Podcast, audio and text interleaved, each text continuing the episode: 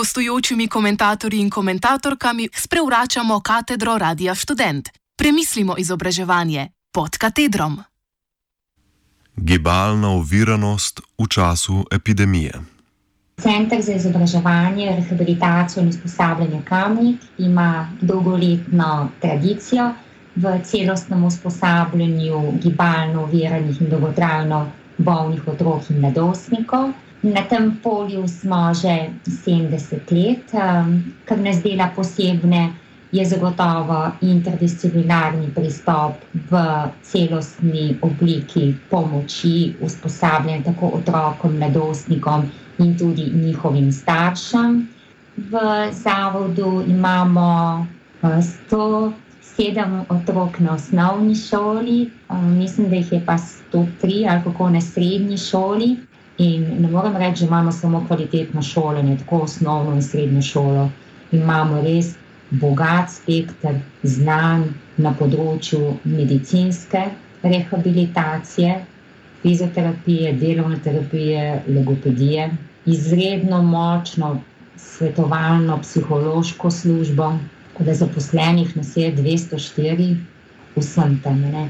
Eh, osnova za um, vstop v našo um, hišo je odločba o usmeritvi, uh, v kateri in iz katere je razvidno, da je nek otrok, mladostnik, gibalno overen.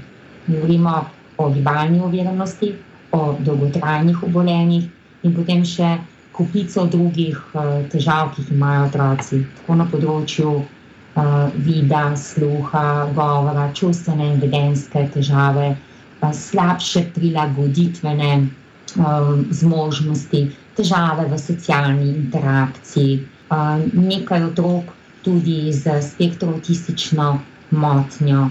S poukom nadaljavo pa smo pričeli že kar v prvem tednu. Tukaj želim pohvaliti čisto vse učitelje, otroke, mladostnike in seveda njihove starše. Tam na oni strani praviš pomočnika, ki bo odprl zvezek otroku, ki bo prižgal uh, Skype otroku, ki mu bo dal v roko svinčnik, ki mu bo postavil ravnilo na mizo, ki mu bo obrnil list v učbeniku. Skratka, brez tega sodelovanja, podpore staršev, res, res ne bi šlo. Tako da smo jim na tej točki res hvaležni, da so nam pomagali in da so nam dali priložnost vstopiti v ta družinski krog. Nekaj otrok, mladostnikov, zaradi um, šibkega, krhkega zdravja in zaradi um, utrujenosti, že sedaj ostaja dvakrat tedensko doma.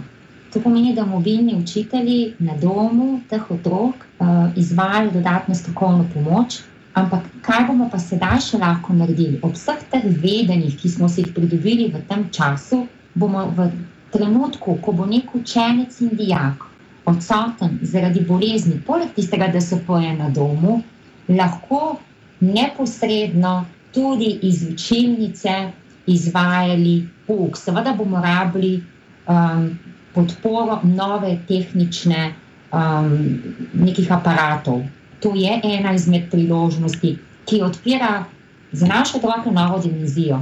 Na začetku je bila uh, največja skrb staršev, kako zagotoviti in poskrbeti za varnost. Pri nas v centru je kar 65% otrok korona rizičnih. To pomeni, da bi v primeru okužbe s koronavirusom bolezen bistveno težje prebolevali in bi bili bolj ogroženi od drugih. Od tega je 80% teh otrok v osnovni šoli in 50% v srednji šoli. In na začetku je bila stiska in skrb predvsem povezana s tem.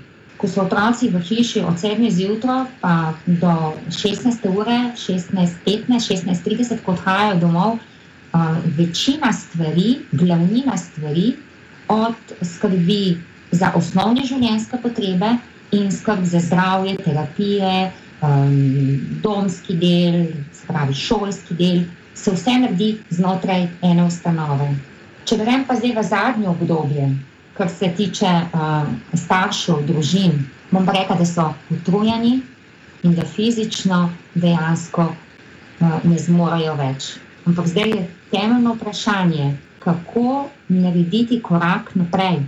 Na zadnje priporočila NIEZ-ja so jasna in jih je treba spoštovati.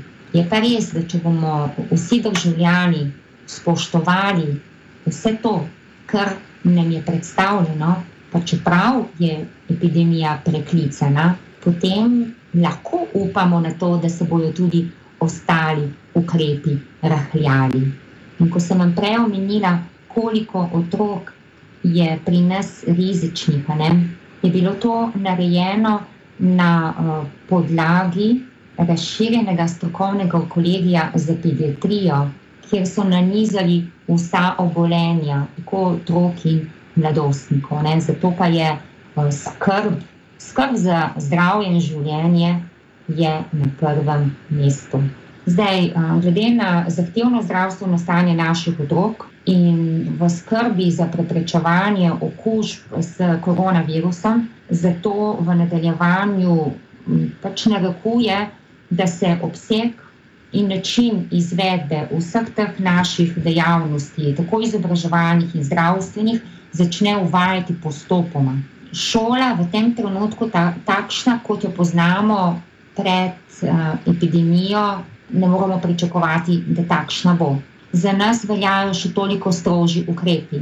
In sicer v tem trenutku en otrok, en zaposlen, ravno zaradi te rizičnosti. Zdaj začeli bomo tako, kot sem rekla, s postopnim izvajanjem terapij. To pomeni konkretno, da nek otrok pride morda v zavod enkrat ali dvakrat na teden na terapevtsko obravnavo, v tem trenutku spoštovanja vseh teh ukrepov se strani uh, Nacionalnega inštituta za javno zdravje ni mogoče začeti z drugačno obliko odpiranja centra. Zavedamo se, da je prav, da delamo v prid otrokom, mladostnikom in družinam.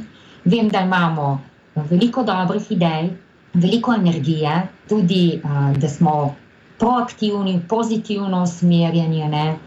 ampak res ob upoštevanju vsega tega. Tega se pa močno, močno zavedamo. Današnji komentar je prispevala Izabel Morel Bera, ravnateljica osnovne šole in koordinatorka mobilne službe v Centru za izobraževanje, rehabilitacijo in usposabljanje Kamnik.